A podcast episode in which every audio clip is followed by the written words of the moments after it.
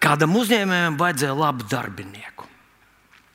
Un nevis vienkārši kaut kā labu darbinieku, bet viņam vajadzēja veselu tādu nodaļas vadītāju, cilvēku, kuram var uzticēties.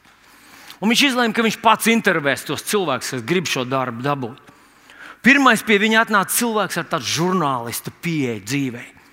Un tas uzņēmējs uzdeva viņam ļoti vienkāršu jautājumu, cik ir divi un divi. Tas puisis teica, skaidru lietu, 22. Labi. Viņš gribēja dzirdēt nākamo. Nākamais cilvēks atnāca ar tādu, ziniet, tam bija tāds inženieru skatījums. Un tas cilvēks tūlīt dabūja ārā savu telefonu, atrada sarežģītu formulu un izrēķināja, ka divi un divi ir sākot no 3,9999 līdz 4,00001. Ar inženieru skatu. Inženieri ir brīnišķīgi cilvēki. Bet nākamais cilvēks, kas atnāca pie viņa, tas bija cilvēks ar tādu juridisku stāju. Un, kad viņam uzdeva šo jautājumu, cik ir divi un divi, viņš teica, ka tas ir ļoti konkrēti. Viņš teica, ka lietā Bergensons pret muitas dienestu tika pierādīts, ka divi un divi ir četri. Pēdējais, kurš atnāca un gribēja dabūt šo darbu, bija cilvēks ar tādu grāmatveža izskatu. Kad uzņēmējs viņam jautāja, cik ir divi un divi, viņš pagriezās, aizgāja, aizvēra durvis atnāca atpakaļ, apsēdās pie galda, noliecās pār galdu. Un tā klusā balsī jautāja, cik jūs gribētu, lai ir? Viņš dabūja darbu. Ziniet, mums kādreiz arī pašiem ir vis visādas savas kaut kādas idejas un pārliecības. Kādi ir juridiski teologi, ziniet? Kāda ir tāda žurnālistiska skatījuma uz visām tām dievu lietām un garīgām lietām? Kāda ir inženieri? Bet gala beigās, kāda tam visam jēga, ja svarīgi ir, ko viņš domā, ko viņš grib? Tas ir pats galvenais. Un šajā rītā, mīļais draugs, kaut Dievs mums palīdzētu, ka man izdotos aizsniegt tevi. Un, un, un tu sadzirdētu, ko svētais gars šorīt tev grib pateikt. Tie Ukraiņas notikumi mums skaidri atklāja, ka mums visiem ir jābūt gataviem. Mēs nezinām, kas ar mūsu dzīvi notiks rīt. Jā, par mums šobrīd nav uz mūsu robežām nekas nav. Bet tajā pašā laikā, mīļie draugi, mēs nevaram būt pārliecināti, ka mums izdosies nodzīvot līdz tai savas garīgās dzīves apogējai. Ka tu nu nonāksi tādā apskaidrības un garīgu, garīguma stāvoklī, ka teiks, nāc, kungs, jēzus, un tas kungs teiks, uz šito es visu laiku gaidīju. Hopā, neejam! Nē, nav tādas garantijas. Tev ir jābūt gatavam sastapties ar viņu katru mirkli. Gatavam Atcerieties šo vārdu. Dievs mums iedeva šī gada sākumā, iedeva vārdu, esi gatavs. Sagatavo savu lukturu, jo tu taču esi izgājis savam līgavainam pretī. Bet vilni, vai tas tiešām ir tik ļoti nu, tā, tā kritiski? Tu taču, tu taču sacīji, ka, ka viss būs labi. Viens cilvēks man teica, pasak vēlreiz, ka viss būs labi, ja neiebruks. Ja? Es saku, jā, tajā vīzijā neiebruks. Vai, cik patīkami to dzirdēt, bet cik grūti to noticēt. Pasaka vēlreiz. Un, zinot, man bija jādomā, kāpēc. Es tiešām ticu, ka tas, bija, ka tas ir tāds svētā gara brīdinājums mums, tā tāda svētā gara atklāsme mums. Bet kāpēc Dievs mums to atklāja?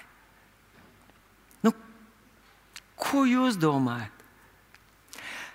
Dažreiz man ir tāds sajūta, ka cilvēki domā, ka tas ir tāds brīdinājums. Tikai nesatraucies, neko nemainat. Nu, kā, kā jūs dzīvojat, nu tāpat arī dzīvojiet. Nenotiks pats sliktākais. Vienkārši, vienkārši atslābinieties, relaksēties, viss būs labi. Vai tiešām tāds varētu būt svētā gara brīdinājuma mērķis? Lai mēs vienkārši nesaspringstam. Nu, kā mēs, kā mēs, kā ir tā ir labi? Es domāju, ka tas man izbiedē tam vajadzētu būt pilnīgi pretēji. Dieva brīdinājums vienmēr ir ar kaut kādu mērķu, lai mēs taču nu, apzināmies, ka dzīvojam bīstamā vietā, ka dzīvojam kara apstākļos, ka mūsu pretinieks vēlams nemitīgi staigā apkārt un meklē, kurus varētu aprīt. Jā, vakar nevarēja aprīt, bet kā ir ar šodienu?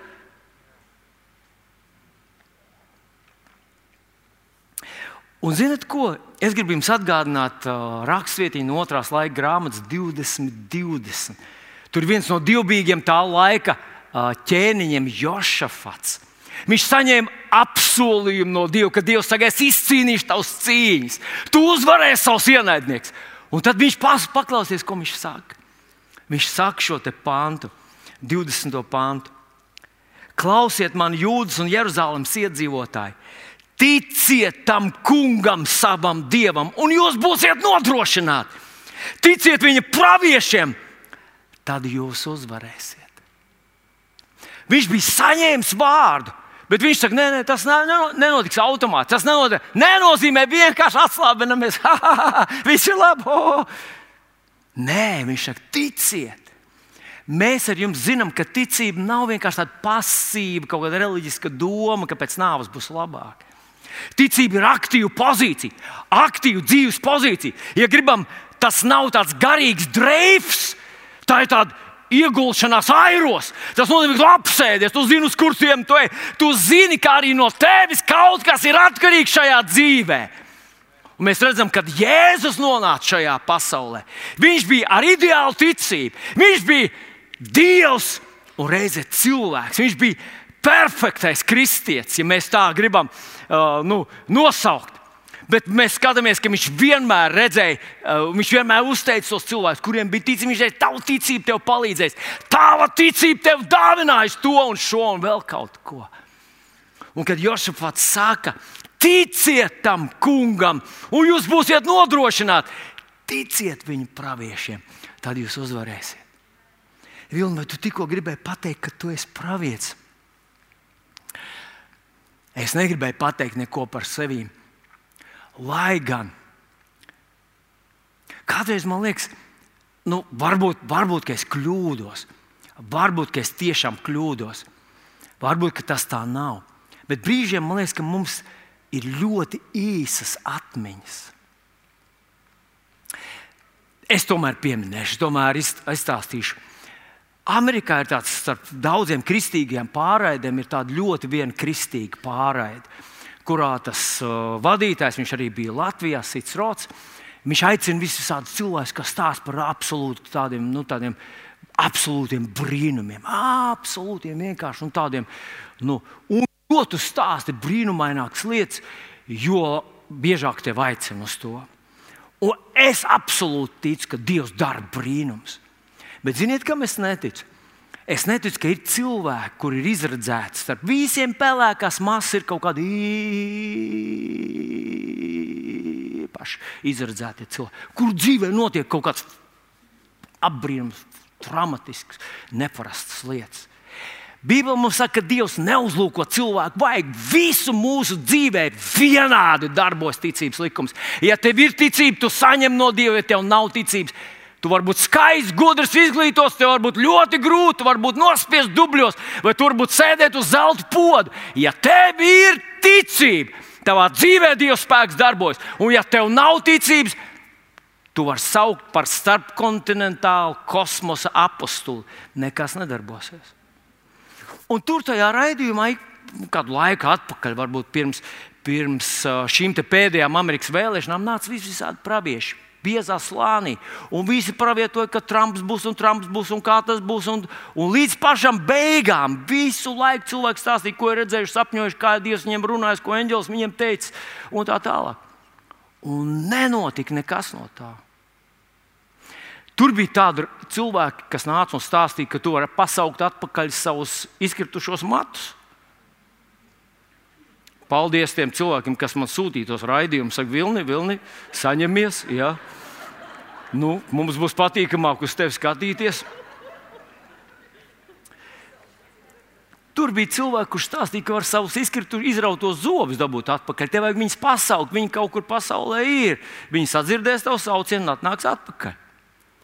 Es mazliet jokošu tagad, bet tur bija cilvēki, kas teica, tu vari savus pienzobus pasaukt atpakaļ un sākt visu ciklu no sākuma. Ziniet, ir tāds ļoti labs princips, kā jūs varat neļaut sevi pievilt. Un tas princips ir tāds, ka tam, ko Dievs grib, vai kāds saka, ka Dievs var izdarīt tavā dzīvē, ir jābūt precedentam Bībelē. Bībelē ir precedents. Vai arī tur ir skaidri uzrakstīts, ka tas tā ir iespējams, ka to var darīt. Un ja kāds atnāk un, un zinat, mēs esam ļoti radošs personības cilvēks, kā saka, ka mācekļi pārspēja savu skolotāju. Kenetam Heiganam bija ļoti, Kenets Heigans, manuprāt, bija ļoti līdzsvarots dievvvārdu skolotājs. Bet tie, kas sekoja pēc viņa, tie nu, pārspīlē vai noved to viņa teoloģiju, noved to līdz pat, līdz pat grāviem ar tādu, nu, tādu pārspīlējumu. Nu, tad, lūk, Neskatoties to, ka šajā pārēdī bija ļoti daudz vienkārši fake apstuļu, praviešu, kas no nu, tādu lielu vārdu bija. Cilvēki vienalga skatās šīs pārēdes, vienalga sajūsmā par visiem tiem nu, brīnumiem, ko tie stāstītāji tur stāsta. Es iesāku to teikt ne tāpēc, ka Dievs nedara brīnums, ne tāpēc, ka Dievs nevar brīdināt, bet es Es daudz labprātāk uzticētos cilvēkam, kur es pazīstu, un kura dzīves ceļu, un kura nu, to, to varbūt nu, to, to viņa atklāsmi kaut kāda, ka tas ir kaut kas, kaut kas ko es, kam es kaut cik varu izsekot līdzi. Es nezinu, vai jūs prieka vēst cilvēku kaut ko atcerieties no tā dzīves ceļa un, un tām cīņām, kurām mēs esam gājuši cauri. Un es šodien neaizņemšu šo laiku, lai mēģinātu kaut kā atgādināt kaut kādas tiešām kritiskas situācijas, kad mēs sākām pirkt šo namu un kā mēs bez naudas parakstījām lielus līgumus un kā Dievs mums iedeva.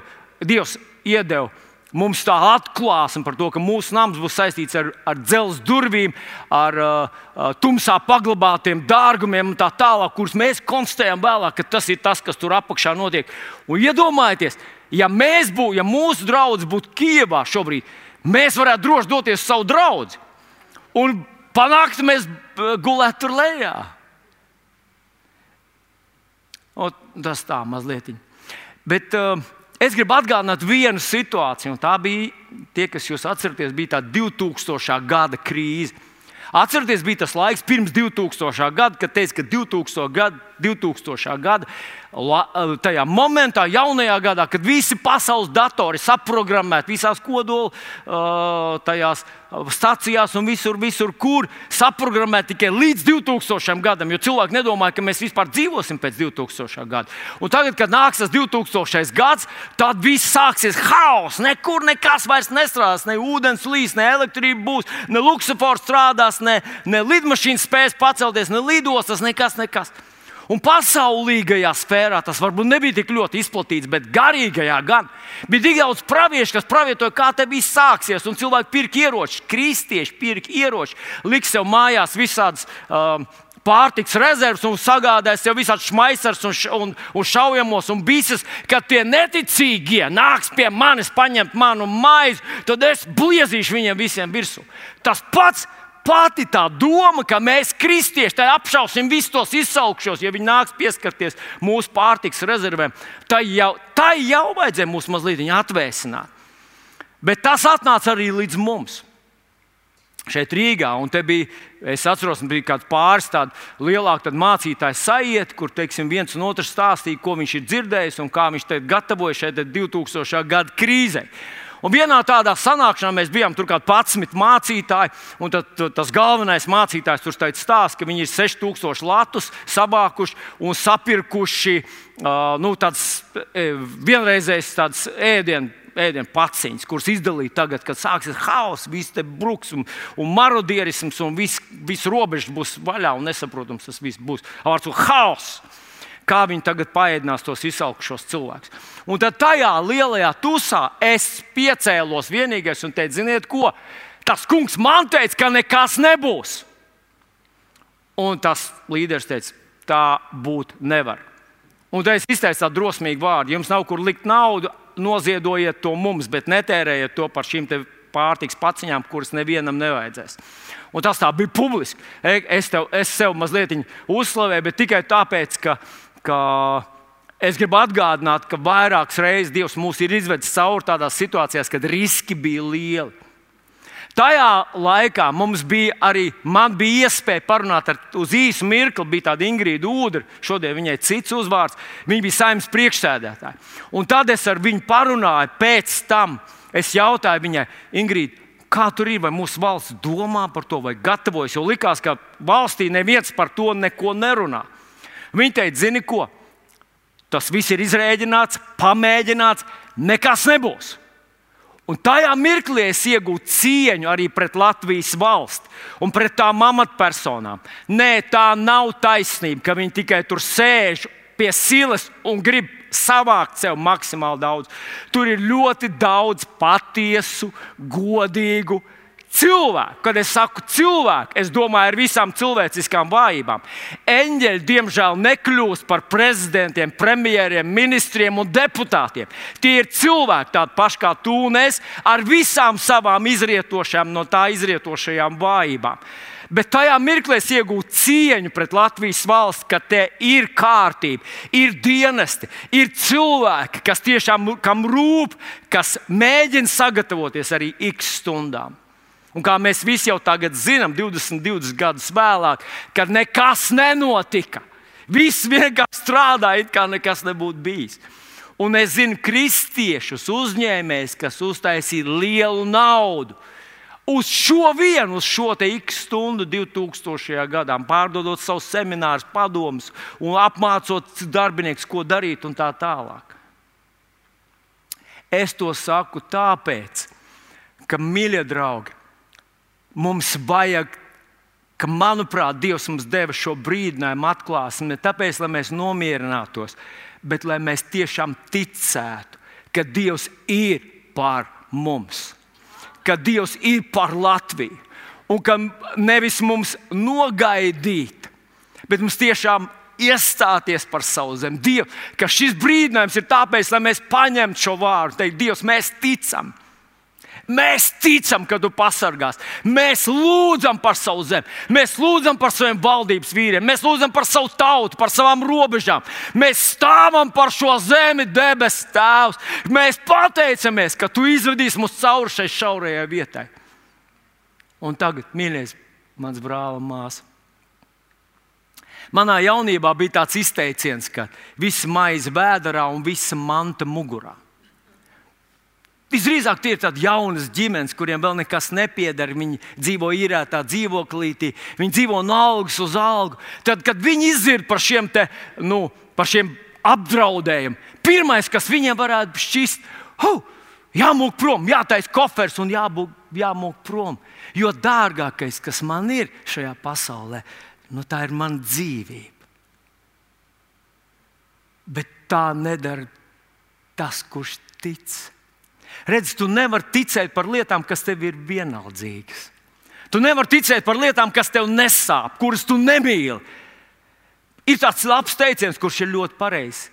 Ja tu bez tā vari iztikt, bez tā, ko tu no Dieva meklē, bez tā, ko tu no Dieva gribi saņemt, bez tā, ko Dievs tev ir apsolījis iedot, tu bez tā vari izdzīvot. Tu izdzīvosi. Bet, ja tev tas tik ļoti sāpēs, tev to tik ļoti gribēsies un vajadzēs, ka tu nevarēsi bez tā dzīvot, tad tu to saņemsi. Un es gribētu teikt, mīļie draugi, es nenosodītu vienu neticīgu cilvēku, kurš saka, dārgākais, dārgākais, kas man ir, tā ir mana dzīvība. Es bēgšu prom uz Norvēģiju, uz, uz Somiju, uz, uz Angliju, uz, Liev, uz, uz Īriju, kaut kur prom no šejienes. Tur lielāks algas, tur vajag darbinieks, es atradīšu darbu. Bet, kad mēs Dieva bērni tā sakam, tad kaut kas nav pareizi. Kaut kas tajā visā nav pareizi. Mums vajadzētu būt tiem cilvēkiem, kuriem izjūt saikni ar šo zemi. Mēs esam aicināti pie šīs tautas, pie šīs zemes. Šī ir mūsu atbildība. Tas ir tas, ko Dievs mums iedeva. Viņš teica, Latvija, tu rūpējies, tu esi šīs zemes sāls, tu esi šīs pasaules gaisma. Tu te esi nolikts ne tikai tāpēc, ka te ir labi, bet tāpēc, lai tu uzņemtos par to atbildību. Un es nezinu, Es nezinu, protams, tavu situāciju, nezinu, kā tu jūties šajā zemē. Iespējams, ka tur jūties arī mazliet kaut kur apdalīts un diskriminēts. Un es esmu tā jūties. Iespējams, ka vispār kristieši šajā zemē jūtas diskriminēti un nesadzirdēti un, un apdalīti. Bet mēs esam nolikti šeit, lai mēs iestātos par šo zemi un rūpētos. Debes Tēvs, mēs mīlam šo zemi. Mēs, mī, mēs ticam, mēs ticam ka Dievs ir aktīvi cīnās pret agresoru. Ne pret krieviem, bet par tiem cilvēkiem, kas tur ir miris, kas zem bumbām, zem lādiņiem, kas tur drupās, pagrabos, ir iedzīti izmisumā. Dievs ir pār viņiem. Jā, jā, jā, mēs lasām kaut kur, Jēzus sacīja, ka tam tā jānotiek bet kad tavā mājā iebrukt laupītājs. Un, ja es teicu, ka šai pasaulē būs zaglis, zaks un, un rūsa, rūsēs un, un, un tā tālāk. Tu taču nesaki, ah, nu jā, ja es tā teicu, nu labi, ņemiet, ko jums vajag. Nē, tu stāvi tam pretī, un Dievs tev palīdz, jo Viņš ir tavā pusē. Un es absolūti ticu, ka mēs varam ticēt par Ukrajinu, ka tas karš nevar pārvērsties par Eiropas karu, ka Dievs grib to apturēt tur.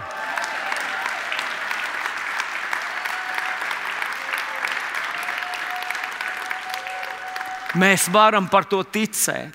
Ne tikai ar tādu, tādu nu, vēlamu, labu Dievs, mums to vajag, mēs to gribam. Nē, lai tās asins nelīst. Nē, Jēzus vārdā. Mēs nesamierināmies ar to. Mēs nesamierināmies ar to. Ziniet, Es esmu dienējis uh, padomju armijā tajā laikā. Un man blakus bija Ukrāņi, Baltkrievi, uh, Krievi, uh, visādas arī tās, nu, kas? Paseko, jā, no kaut kādas republikām, jā, tie puiši. Nu, Krievi ir ļoti patīkami puiši. Ļoti, pat, ļoti viegli ar viņiem. Brīžiem bija grūtāk ar kādu citu tautības cilvēku. Krievs ir sirsnīgs un atvērts. Tā nav krievu dvēsele, lieta aplaupīt, nozagt, slepkavot. Tā nav, tas nav krievs. Tas ir kaut kas demonisks. Un mēs, vā, mēs esam tie. Mēs ar tevi esam tie, kas varam stāvēt pretī demoniem.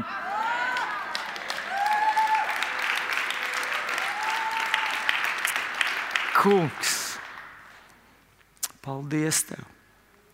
Kungs, paldies tev! Šodien mēs baudīsim vakarēdienu. Un tā kunga iestādījums atgādina mums fundamentāls mūsu pestīšanas lietas. Ja es teicu, šī ir mana miesa, kas par jums top saplēsta, atdota. Un šīs ir manas jaunās derības asins. Mēs esam glābti. Un īsts kristietis, pat ja viņš pazaudē savu dzīvību, viņš to nepazaudē. Bībeli to salīdzina ar miegu. Man ļoti uzrunāja, lasīju šajā nedēļā Stefans stāsts, pirmais asins liecinieks, Stefans. Tas uh, paraugs stunda, kā, kā mirst kristietis. Viņa pēdējā lūkšana ir Tēvs, nepielīdzini viņiem šo grēku. Tēvs, nepielīdzini. Nevis Dievs sadod viņam pa pakaļ, nevis nolādēt esat jūs visi, nevis pagaidiet, jūsu bērnu, mazbērnu tagad cietīs par to, ko jūs šeit izdarījāt. Kristietis saka tos pašus vārdus, kurus Jēzus saka, Tēvs nepielīdzina viņam. Bet pēc tam nāk šis teikums, un to sacīs viņš aizmiga. Bībeli nāvi salīdzina ar miegu. Mēs neredzēsim, īsts kristietis neredzēs nāvi. Bet vai mēs esam īsti kristieši? Vai tu esi īsts kristietis? Vai tas ir iespējams, ka tu tagad runā par īstu kristietību? Šeit, kad vakarēdienas būs. Mums tur baudīsim vakarēdienu. Vai tas vai to taču dara tikai īsti kristieši? Pirmajā vēstulē korintiešiem 11. nodaļā apelsīns Pāvils runā uz Korintas draugu pirms vakarēdienas. Viņš saka, paklausieties, viņš saka 28. pantā, lai cilvēks pats sevi pārbauda. Tad, lai viņš ēd no šīs maizes un dzer no šī biķera. Jo kas ēd un dzer, tas ēd un dzer sev pašam par sodu, ja viņš neizšķir tā kunga miesu. Lai neiz, neizplūstu garā tādā teoloģiskā apcerējumā, pēc būtības viņš tas saka, ka jūsu starpā ir gan cilvēki, kas ir pieņēmuši glābšanu, gan cilvēki, kas šo glābšanu nav pieņēmuši, bet paši to nemaz nezina. Un viņš saka, lai cilvēks pats sevi pārbauda. Nav nevienam mācītājam dots šīs pilnvaras, ie, ie, izvērtēt kādu citu dvēseli. Mums tas jādara katram pašam ar sevi. Un tas ir tas uzdevums, ko šodien es gribētu uzticēt tev. Lai tu ieskaties savā dvēselītē, vai tu patiesi esi glābts. Nu, vēl vienu rakstu vietiņu gribu jums atgādināt no Mateja līdz 25. nodaļas, kur ir runa par šiem pēdējiem laikiem pirms Kristus atnākšanas. Un tur uzrakstīts sekojošs vārds, ka tad debesu valstī būs līdzīga desmit jaunavām, kuras ņēma savus lukturus un izgavā, izgāja līgavēnim pretim. Piecas no tām bija ģeķīgas, un piecas bija gudras. Desmit līgavas izgāja līgavaini pretī. Man pārliecība ir, ka te iet runa par kristiešiem. Un tas biedējošais tajā visā ir, ka puse no tiem, kas sevi uzskatīja par kristiešiem, vai no malas par tādiem izskatījās, nemaz neaizgāja līdz gala mērķim. 50% palika pusceļā. Nu, Iedomājieties, ka mēs ar tevi lidojam lidmašīnā. Mums visiem ir uh, izsniegti tie izpletņi. Un pēkšņi stūri ienāk salonā un saka, ziniet, ko man jums jāpasaka, nu, tāds uh, fakts, kas ir patiesa fakts. Uh, ka tikai puse no tām mugursomām, kuras jums izsniedz, ir izpletņi. Pārējie ir vienkārši mugursomas ar kaut kādām sabāztām iekšā segām un spilveniem nu, ja jums gadījumā paliek augsts lidojot. Vai tev nebūtu interese noskaidrot, vai tavā mugursomā ir izpletnes, vai tur ir vienkārši kaut kas sabāzts? Vai tu gribētu to noskaidrot? Manuprāt, šis ir labs laiks noskaidrot, vai tu esi īsts kristietis Vai tu tikai esi pie tās savas dzīves kaut kādas tādas kristīgas, kaut kāds attribūts, kaut kāds kristīgs, ārējs, kaut kāds pazīmes, piestiprinājis, bet pēc būtības tu neesi pieņēmis savu glābēju un kungu. Tā tad puse, puse no tiem cilvēkiem, kas izgāja līgavanim pretim, tā arī neiegāja, neaizgāja līdz galam. Man ļoti gribētos cerēt, ka mūsu vidū nav neviena tāda.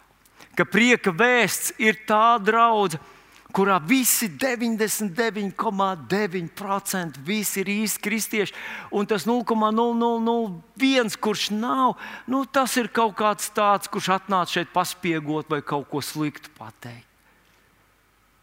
Bet visdrīzāk tas tā nav.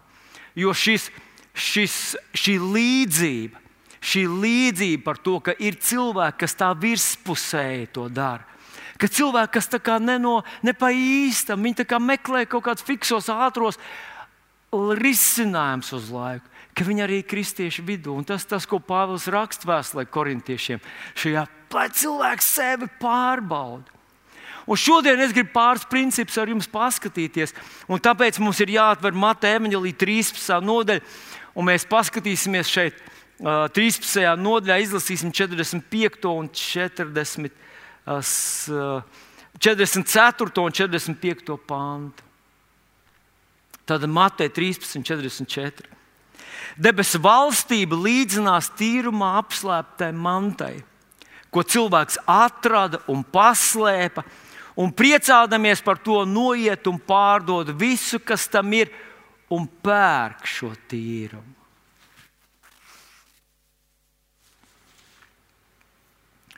Tātad debesu valstība līdzinās tīruma apslēptai mantai. Ļoti mums gribētos droši vien nu, par, izskaidrot šo līdzību ar to, ka mēs esam tie, kas meklējam to mantu tajā tīrumā. Bet patiesība tāda nav. Turpat šajā nodaļā iepriekš ir paskaidrots, kas ir tas tīrums. Un tas tīrums ir pasaule. Tas, kas meklē šo vai atrod šo apslēpto mantu tīrumā, ir Dievs. Viņš šajā pasaulē meklē tos cilvēkus, vai ir atradis cilvēkus, kas atsauksies viņa mīlestībai, kas pieņems viņa evaņģēlīju un iemīlēs viņu. Tātad Tie ir tie cilvēki, kas ir apslēpti. Viņi tā kā nav redzami šodien. Viņi neko neatšķiras no vispārējās cilvēces daļas. Cilvēki, kurus Dieva acīs vai Dievs saskata kā mantu, kā dārgumu. Un te tālāk ir teikts, ka tas cilvēks to atkal paslēp turpat. Un priecādamies par to, noiet un pārdod visu, kas tam ir, un pērk visu tīrumu. Tas ir tas, ko Jēzus izdarīja. Viņš atpirka visu cilvēci. Viņš izglāba visus. Viņš paņēma visu grēkus, visu noziegumus, visu sodu, ko cilvēks bija izpelnījusies. Tāpēc Jēzus nav pasīvs šodien raugoties uz šo absolūtu mērogos neiedomājamu vardarbību, kas notiek uh, Ukrajinā. Tas nav Dieva sots. Kad Dieva sots būs, un mēs zinām, ka tuvojas tā diena, kad žēlstības laiks beigsies, un Dievs tiesās cilvēks par neskaitāmiem grēkiem, neskaitāmiem dumpiem pret Dievu, neskaitāmiem zaimošanas aktiem, ko cilvēki ir veikuši. Kad atnāks Dieva tiesa, tas skars tā nekādā gadījumā neskars īstus dievu bērnus. Tā skars tikai to cilvēces daļu. Un visdrīzāk, ka uz to mirkli, kad, kā mēs zinām, komēta ietrieksies zemē, kad daļa saules izdzesīs, kad tur būs tādas, tādas lietas. Bībele mums atrak, apraksta tādas lietas, šie notikumi, kas ir Ukrajinā. Tie liksies kā tāds nu, nenozīmīgs kaut kāds bēdas, salīdzinām ar to, kas sāksies tad, kad ka Dievs tiesās zemi un tiesās cilvēci par viņas grēkiem, viss, kas ir sakrājies pa šo laiku. Bet tātad šodien Dievs vēl to nav izmainījis. Žēlstības vēl, laiks vēl nav beidzies. Un mums ir drošības, un ir tiesības, un ir pilnvars stāvēt pretī agresijai. Tā nav Dieva nodoms, lai vai kas tas būtu. Bet tā tad Viņš atpērk visu tīrumu, visu cilvēci ar domu, ka viņu interesē tie, tas dārgums, tā manta. Tas dārgums ir tie cilvēki, kas pieņems viņu par savu kungu, par glābēju, kas dos viņam savas dzīves, kas iemīlēs viņu vairāk par savu dzīvību. Bet ievērot to galveno domu, ko es gribu, lai tu piefiksē, Viņš atdod visu, kas viņam ir.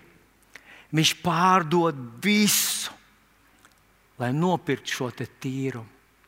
Tas ir tas, ko Jēzus izdarīja, lai izglābtu tevi un mani. Atdeva visu. Dievs atdeva visu. Šī ir šī līdzības uh, morāla. Bet lasām nākušo 45. pāntu. Viņš saka, vēl debesu valstība līdzinās tirgotājiem, kas meklē dārgas pērles. Un atradis vienu sevišķi dārgu pērli, nogāja un pārdeva visu, kas tam bija, un nopirka to. Mīļie draugi, viņš vēlreiz saka to pašu. Dieva acīs cilvēks, kas pieķerās viņam, nozīmē ļoti daudz. Ļoti daudz. Dieva acīs tā ir dārgākā pērle. Visā šajā uz šīs zemes, visā kosmosā, Dieva dārgākās lietas ir cilvēks, tu, kas esi atbildējis viņam uz viņa mīlestības dāvanu, uz viņa glābšanu. Viņš tevi atpirka sev, nopirka sev. Nevis pagrāba, atņēma, nevis vienkārši privatizēja, privatizēja, nopirka un deva visu, lai tevi un mani iegūtu. Kā tas liek tev justies? Kā tas rezonē tavā dvēselē? Dievs deva visu, lai tevi iegūtu. Redzi, šis princips viennozīmīgi mums paskaidro, kā tas darbojas un nedarbojas savādāk. Respektīvi, kad mēs runājam par Dievu, Viņš deva visu. Tad runājot par mums, mēs nevaram atdot kaut ko mazliet. Mēs nevaram Dievam uzticēt 10%. Nevaram Dievam uzticēt nu, kaut ko mazliet no savas dzīvības svētdienas un kaut kādas tur vēl kaut kādas brīžus. Viņš deva visu. Ir adekvāti jārīkojas arī mums. Tā ir kristietība. Un to Lūkas evanģēlijā 14. nodaļā Jēzus mums saka, un te viņš ļoti ultimatīvi, ļoti konkrēti paskaidro, kā tas darbojas. Gluži tāpat neviens no jums, kas neatsakās no visa, kas viņam pieder, nevar būt mans māceklis. Gluži tāpat neviens no jums, kas neatsakās no visa, kas viņam pieder, nevar būt mans māceklis. Ko nozīmē atteikties no visa? Pagaidām, māceklība man pieder man pieder kaut kas, kāds sakars tam ar, es taču te nevienam nestāstu, kas man pieder, neviens man nekad neprasa, un tā tālāk. Jā, tas ir starp tevi un Dievu. Bet es gribu pateikt, ka ir cilvēki, kas izvirza kaut kādus tādus, nu, kaut kādus, nu, tādus cik, cik daudz viņi ir gatavi uzupurēt Dieva dēļ, Jēzus dēļ. Un tie pamatā ir cilvēki, kuriem dzīvē daudz maz viss ir kārtībā. Viņi ir labi cilvēki, izglītoti cilvēki, viņi ir gaiši cilvēki, talantīgi. Viņiem viss pamatā dzīvē ir daudz maz labi. Ir tikai viena lietiņa. Varbūt viņiem ir atkarība no alkohola, varbūt, varbūt viņiem neveicās finansēs, varbūt viņi nemāca ar bērniem īsti, varbūt uh, viņiem dusmu liekas, vai viņiem ir depresija, vai viņiem ir kaut kāda iedzimta slimība, nu, vai vēl kaut kas tāds, kur viņiem vajag vienkārši tādu mazu tādu pušu, no, nu, tādu grūdienu no Dieva. Nu, piepalīdz šeit, pamatā jau. Man viss ir labi. Pamatā jau es, es esmu kārtīgs, normāls cilvēks. Pamatā jau es esmu glābts, jo tādi cilvēki kā es taču ir glābti. Es esmu 95% labāks par visiem pārējiem. Man vajag drusciņi tikai drusku, jēzu piepalīdz. Un tad viņi, tās ir tās gudrās līgavas, kas bija, ne, piedodiet, ģeķīgās līgavas, kas bija gatavas iet pretī līgavainam, bet ne līdz galam. Ne jau, ne jau, nu, tu, tu, ne jau fanātiski. Ar mani ir savādāk. Ar mani ir pilnīgi savādāk. Es biju pazudis pilnīgi. Man bija 11 gadiņi, kad es zināju, ka esmu sapnis, riebīgs, lecīgs, ļauns, nejauks, atriebīgs, ļaundomātājs. Es biju sapnis. Es biju sapūvis kā tēvs un kā vīrs. Es biju sapūvis kā pilsonis. Vienā vārdā es biju grēcinieks. Man nevarēja kaut ko mazliet uzlabot šeit, palīdzēt, te mazliet, tur mazliet. Es biju pilnīgi nederīgs. Man iedrošina Jēzus vārdu, kur viņš saka, Marka Evanģelijā, otrajā nodaļā, es neesmu nācis aicināt taisnus, bet grēcinieks. Viņš saka, veseliem ārstam nevajag. Es biju totāli slims visos aspektos. Man vajadzēja glābēji visam man. Mīļie draugi, šodien es gribu teikt, ka tas ir tas, ko Jēzus glābi. Ja tev vajag mazliet šeit vai mazliet tur, tu neesi glābts.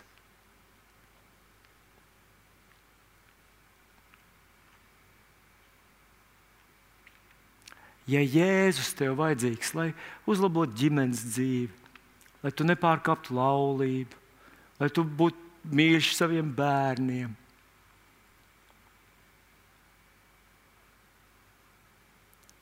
tad tas nedarbojas. Viņš nāca pie tiem, kas bija grēcinieki, pēc savas sirds. Redz, Bībelē mums atklāja, ka cilvēks, kurš ir grēcinieks, viņā ir viss grēka fabrika. Un kādreiz no nu, malas redz cilvēku, kurš māca nest, kurš ir skaists, kurš ir izglītots, kurš māca filozofiski visādas runāt, zina psiholoģiski visādas metodas uzstāsta par visādām metodēm, kā tur kā mieru saglabāt, kā runāt, kā audzināt bērnus, kā tur, ziniet, kā tur ar, ar dzīves draugu, kā runāt. Un stāsta par meditāciju vai par kaut kādām praksēm, jogu, kā tu nomierinies tur tajā pozā un kā tas viss sākās. Un, un tu vari pievilties un domāt, ka viņš ir tik labs.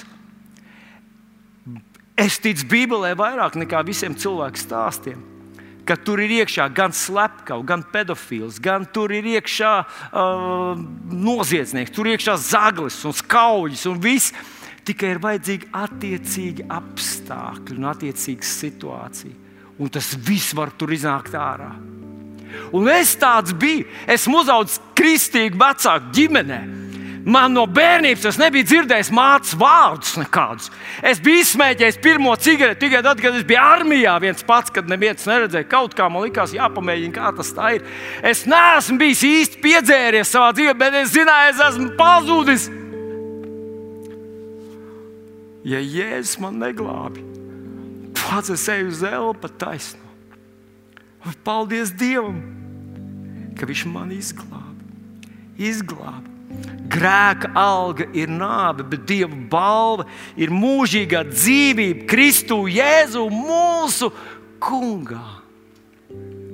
Cilvēks, kurš neatsakās no visa, kas viņam pieder. Nu, kas tad mums pieder? Protams, mums ir varbūt savi īpašumi, kaut kādam liekas, jā, es tur, esmu tur ļoti veiksmīgs uzņēmējs, man uzņēmējs tāds prasmes, māku naudu, es māku bīdīt lietas. Mēs tikko runājām par dekapolu, par cilvēku, kur, no kur izzina leģionu ārā. Un tur, kad viņš izzina to leģionu, tad tur bija, tur bija 2000 cūkas. Un iespējams, viss tā pilsēta bija tāds biznesa projekts, veiksmīgs, ekonomisks rajons. Viņi uz cūkām pelna, visi tur paskatās, kā uzvārījušies, paskatās, kā turīgi cilvēki. Un vienā dienā, kad vēlnu izzina no tām, viņš teica, ah, es paņemšu arī savus cūkus līdzi. Un, un vienā dienā var izrādīties, ka viss tavs mūža darbs, viss tas, ko tu uzskati par savu īpašumu, ir vienkārši cūku bars, kas vienā dienā pazūd no tavas dzīves, bez sakām un atstāj skumjas un bēdas. Ja tu domā, ka tavs īpašums ir tas, tas tavs lielā vērtība, man tevi žēl. Ja tu domā, ka tavs zināšanas, tavs prasmes, varbūt tavs filozofiskās zināšanas, varbūt tas, kas tev ir pāri nodarīts, varbūt tās visās tavas lielās gudrības, ir tās lielās lietas, kuras, kuras tu nedotu Jēzus dēļ. Man tevi žēl, tu nēsi glābts. Jo redz, viss, kas stāv starp tevi un Jēzu, viss, kas tev neļauj viņam uzticēties kā savam glābējam, simtprocentīgam, kā dziedinātājam, kā atbrīvotājam, kā skolotājam, kā tavam dievam. Tas ir augs. Tas stāv augstāk par Jēzu. Un cilvēks, kurš atnāk pie Jēzus, atzīst, ka ir absolūts bankrots kā vīrietis, kā sieviete, kā tēvs, kā māte, kā bērns, kā dēls, kā meita, kā uzņēmējs, kā pilsonis, kā kristietis, ir bankrots. Un tu nometies uz savu vaigu un saki, Dievs, jā, es kaut kā to nebiju sapratis. Dievs, kaut kā es to biju palaidis garām. Man vajag, ja tu man nepalīdzi, es esmu Elē ar visām savām zināšanām, ar savu pieredzi, ar savu naudu, ar visu to, kas es esmu es esmu, es eju uz absolūtu traģēdiju, un viss, ko es šajā dzīvē izplatu, ir traģēdija. Un vienīgi Jēzus no tā var izglābt. Neviens no jums, kas neatsakās no visa, kas viņam pieder, tā ir tāda vieta, tava bankrota vieta. Tā ir vieta, kur tu saki, es atzīstu, manī nav nekā laba. Man nav nekā, ko es varētu paņemt līdzi. Nav nekā, uz ko es varētu paļauties, kad tuvojos tev. Tu esi mana cerība. Mans mīļais brāl un māsa. Šajā rītā es negribu tevi noniecināt. Es negribu noniecināt to, ko tu esi darījis, vai kā tu esi līdz šim tuvojies Dievam. Bet šodien gribētu, lai tu paskaties, vai tu esi tas grēcinieks, kuru Jēzus izglāba. Vai tu esi tas, kurš var tuvoties viņam un paļauties uz viņu?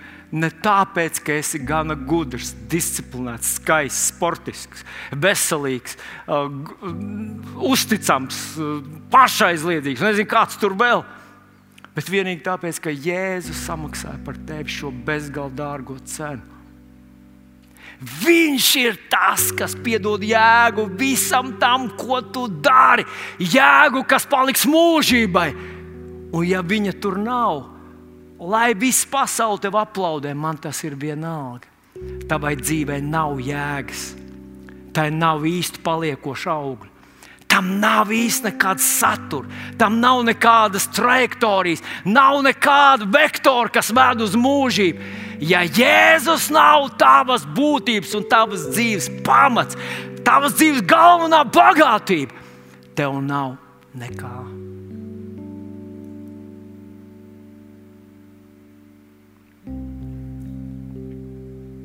Tu vari to izmainīt šodien tu vari pārliecināties, ka tev ir izplatnes.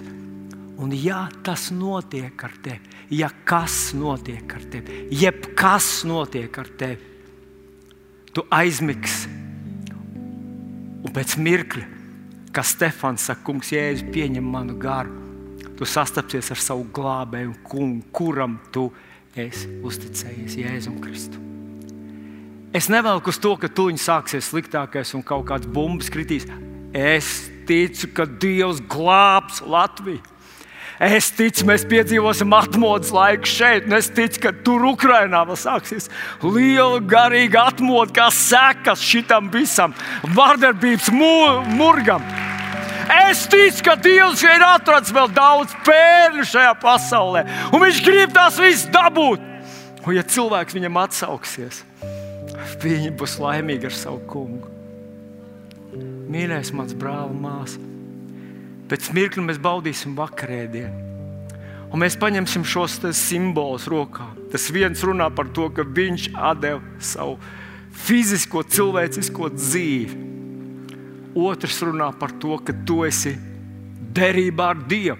Dievs ir apstiprinājis, apzvērējis, ka Viņš būs uzticams tev ar savu dēlu asinīm. Tas nav jēru un lopu asins. Jēzus asins saka, es tevi neatstāšu un tevi nepametīšu. Bet pirms tu to baudi, es ļoti gribētu, lai tu šodien saproti. Varbūt, ka tavā sirdī ir šaubas. Varbūt tavā sirdī ir kaut kāds, nu, es nezinu, pārdoms. Man ļoti negribētu, ļoti neg es ļoti negribu, ka kāds no mums izrādītos tādā ģeķīgā jaunā, kas iet, nu, redzēs, kā, cik tālu pagaidām esmu šeit, pagaidām uzticos viņam.